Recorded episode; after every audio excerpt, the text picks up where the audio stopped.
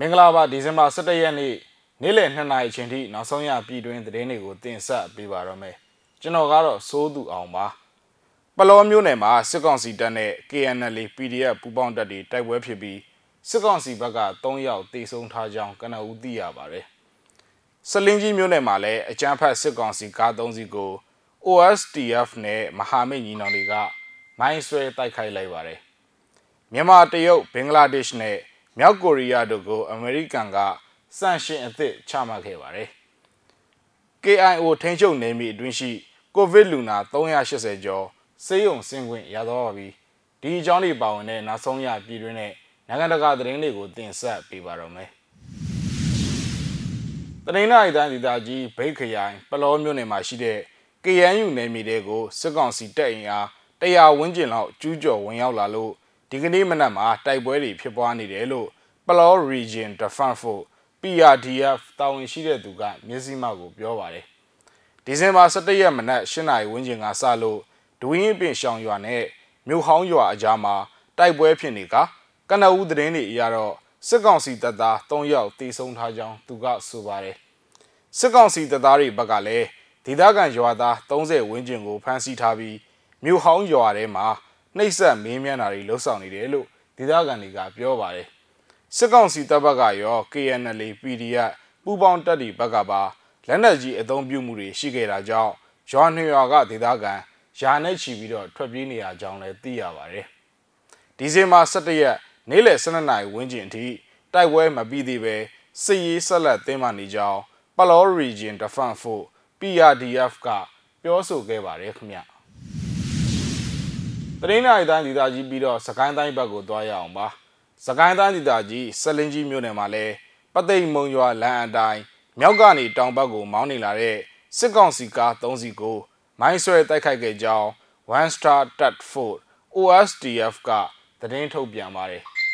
ဒီဇင်ဘာ10ရက်နေ့နေ့လယ်2နာရီခွဲမှာ12ဘိန်းရင်အမျိုးအစားအကြမ်းဖက်စစ်ကောင်စီကားအကြီး2စီးနဲ့ကားအလေးတစ်စီးစုစုပေါင်း3စီးကို မိုင်းခွဲတိုက်ခိုက်ခဲ့တာဖြစ်ပြီးစစ်ကောင်စီတပ်သားတွေထိခိုက်ကြဆုံးမှုများနိုင်ကြောင်းအဆိုပါအဖွဲ့ကဆိုပါတယ်။ရင်းတိုက်ခိုက်မှုကို OSDF နဲ့မဟာမိတ်ညီနောင်တွေကပူးပေါင်းတိုက်ခိုက်ခဲ့တာဖြစ်ကာ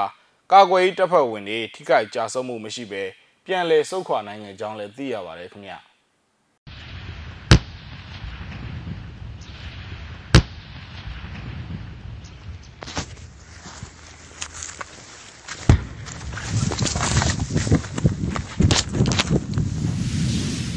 American ဘန်နာရေးဝန်ကြီးဌာနက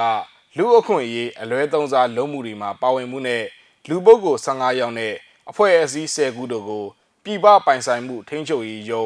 OFAC ကနေတဆင့်ဒဏ်ခတ်ပိတ်ဆို့မှုစန့်ရှင်အသစ်တွေချမှတ်လိုက်ပါတယ်။ဘန်နာရေးဝန်ကြီးဌာနရဲ့စန့်ရှင်အသစ်ချမှတ်မှုမှာမြန်မာတရုတ်မြောက်ကိုရီးယားနဲ့ဘင်္ဂလားဒေ့ရှ်နိုင်ငံတို့နဲ့ဆက်ဆက်နေတဲ့လူပုဂ္ဂိုလ်အဖွဲ့အစည်းတွေပါဝင်တာဖြစ်ပါတယ်။ အချင်းပြခြားစားမှုနဲ့ဆိုးရွားတဲ့လူအခွင့်အရေးအလွဲသုံးစားမှုတွေကျူးလွန်သူတွေအဖြစ်ဗန်နာယီဝန်ကြီးဌာနကစည်ရင်သွင်းခံရသူတွေအနေနဲ့အခုဆန်ရှင်သစ်အားဖြင့်အမေရိကန်ကုမ္ပဏီတွေနဲ့လက်တွဲလုပ်ကိုင်ခြင်းကိုတားမြစ်ခံရမှာလည်းဖြစ်ပါတယ်။ဆန်ရှင်အသစ်ချမှတ်မှုမှာအမေရိကန်နဲ့အတူကနေဒါဗြိတိန်တို့ကလည်းပူးတွဲပါဝင်လာပါတယ်။တီချာဆောင်ရွက်မှုအဖြစ်ကတော့ဗန်နာယီဝန်ကြီးဌာနဟာတရုတ်နီးပညာကုမ္ပဏီတစ်ခုမှ ရင်းနှီးမြှုပ်နှံခြင်းကိုလည်းကန့်သက်ချမှတ်ခဲ့ပါတယ်။အခုတောက်ကြနေကချမှတ်တဲ့ဆန်ရှင်တွေမှာမြောက်ကိုရီးယားရဲ့ဗဟိုပြည်သူအစိုးရရှင်းနေများယုံဘင်္ဂလားဒေ့ရှ်အထူးတပ်ဖွဲ့ဖြစ်တဲ့ RAB နဲ့ကျောင်းသားဗီဇာကိုအသုံးချကာမြောက်ကိုရီးယားအလုပ်သမားတွေကိုခေါင်းပုံဖြတ်နေတဲ့ရုရှားတက္ကသိုလ်အကြီးအကဲတယောက်တို့ကိုလည်းချမှတ်ခဲ့ပါတယ်။အခုဆန်ရှင်အသစ်ချမှတ်မှုဟာအပြည်ပြည်ဆိုင်ရာလူအခွင့်အရေးနည်းနဲ့တပြိုင်တည်းမှာလည်းဖြစ်ပါတယ်ခင်ဗျ။ ဆက်လက်ပြီးတော့ကချင်ပြည်နယ်ဘက်ကိုလည်းသွားရအောင်ပါ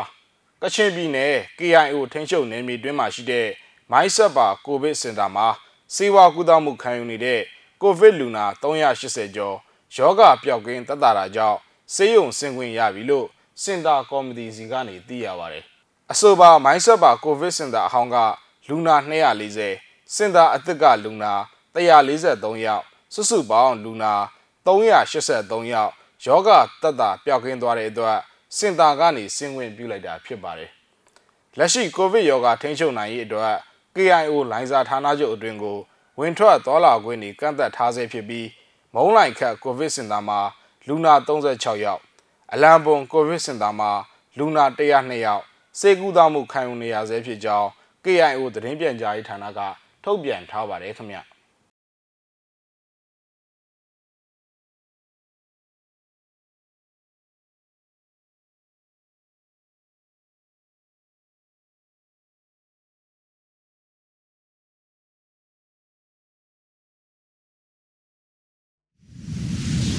ဆက်လက်ပြီးတော့နိုင်ငံတကာသတင်းတွေကိုလည်းတင်ဆက်ချင်ပါသေးတယ်။ရွှေပြောင်းလုပ်သားတွေလိုက်ပါလာတဲ့ထရက်ကားတိမ်းမောက်မှုမှာတေဆုံးသူ54ယောက်အထိရှိလာပါတယ်။အပြည့်အစုံကိုကြည့်အောင်ပါ။မက္ကဆီကိုနိုင်ငံတောင်ပိုင်းကချီယာဘက်စ်ပြည်နယ်မှာရွှေပြောင်းလုပ်သားတွေအပြည့်အသိပ်တင်ဆောင်လာတဲ့ထရက်ကားတစ်စီးအရှိန်လွန်တိမ်းမောက်ခဲ့တဲ့အတွက်ယခုအချိန်ထိတေဆုံးသူ54ဦးရှိသွားပြီလို့အာဏာပိုင်တွေကဒီဇင်ဘာလ10ရက်တောက်ကြနေ့ကပြောကြားလိုက်ပါတယ်။ ဂျာတာပရီနေ့ကဖြစ်ပွားခဲ့တဲ့အဆိုပါယင်းမတော်တဆမှုအပြီးလမ်းဘေးမှာအဝတ်ဖြူတွေပတ်ထားတဲ့အလောင်းတွေတန်းစီနေပြီးသွေးတန်ရဲရဲဖြစ်နေသူတွေအယိုးကျိုးသွားသူတွေရဲ့အော်ဟစ်ညှဉ်းညူတံတွေညံနေခဲ့ပါတယ်။ယခုဖြစ်စဉ်ဟာနောက်ဆုံးဖြစ်ပွားတဲ့ရင်းမတော်တဆမှုဖြစ်ပြီးအမေရိကန်ပြည်ထောင်စုမှာပြည်စုံကောင်းမွန်တဲ့ဘဝတစ်ခုတိဆောက်ဖို့မျှော်လင့်ချက်နဲ့မက္ကဆီကိုကိုဖျက်ဆီးခီးနှင်လာတဲ့လူစင်းရဲတွေဖြစ်ပါတယ်။အထူးသဖြင့်အမေရိကတိုက်အလဲပိုင်းကနေရင်းနိုင်ငံတွေမှာရင်ဆိုင်နေရတဲ့ စင်ရဲမွဲတေမှုအကြမ်းဖက်မှုတွေကနေလွတ်မြောက်ရေးအတွက်နှစ်စဉ်နှစ်တိုင်း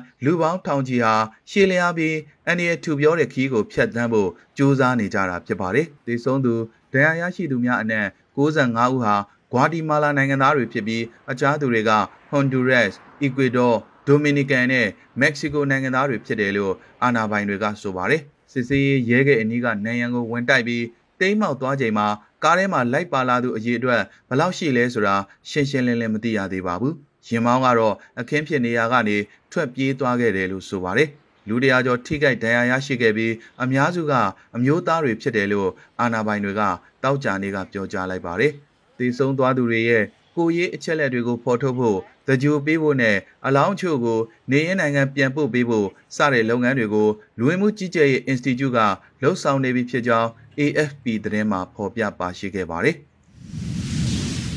ဆက်လက်ပြီးတော့ဆန္ဒပြသတင်းတစ်ပုဒ်ကိုလည်းတင်ဆက်ရှင်ပါသေးတယ်။ကချင်ပြည်နယ်ဖားကတ်မြို့နယ်မှာဆေးရနာရှင်စန့်ကျင်ရေးတန်ပုံးသီးတပိတ်နဲ့ KIA PDF နဲ့ UNG ထောက်ခံပွဲပြုလုပ်ခဲ့ပါတယ်။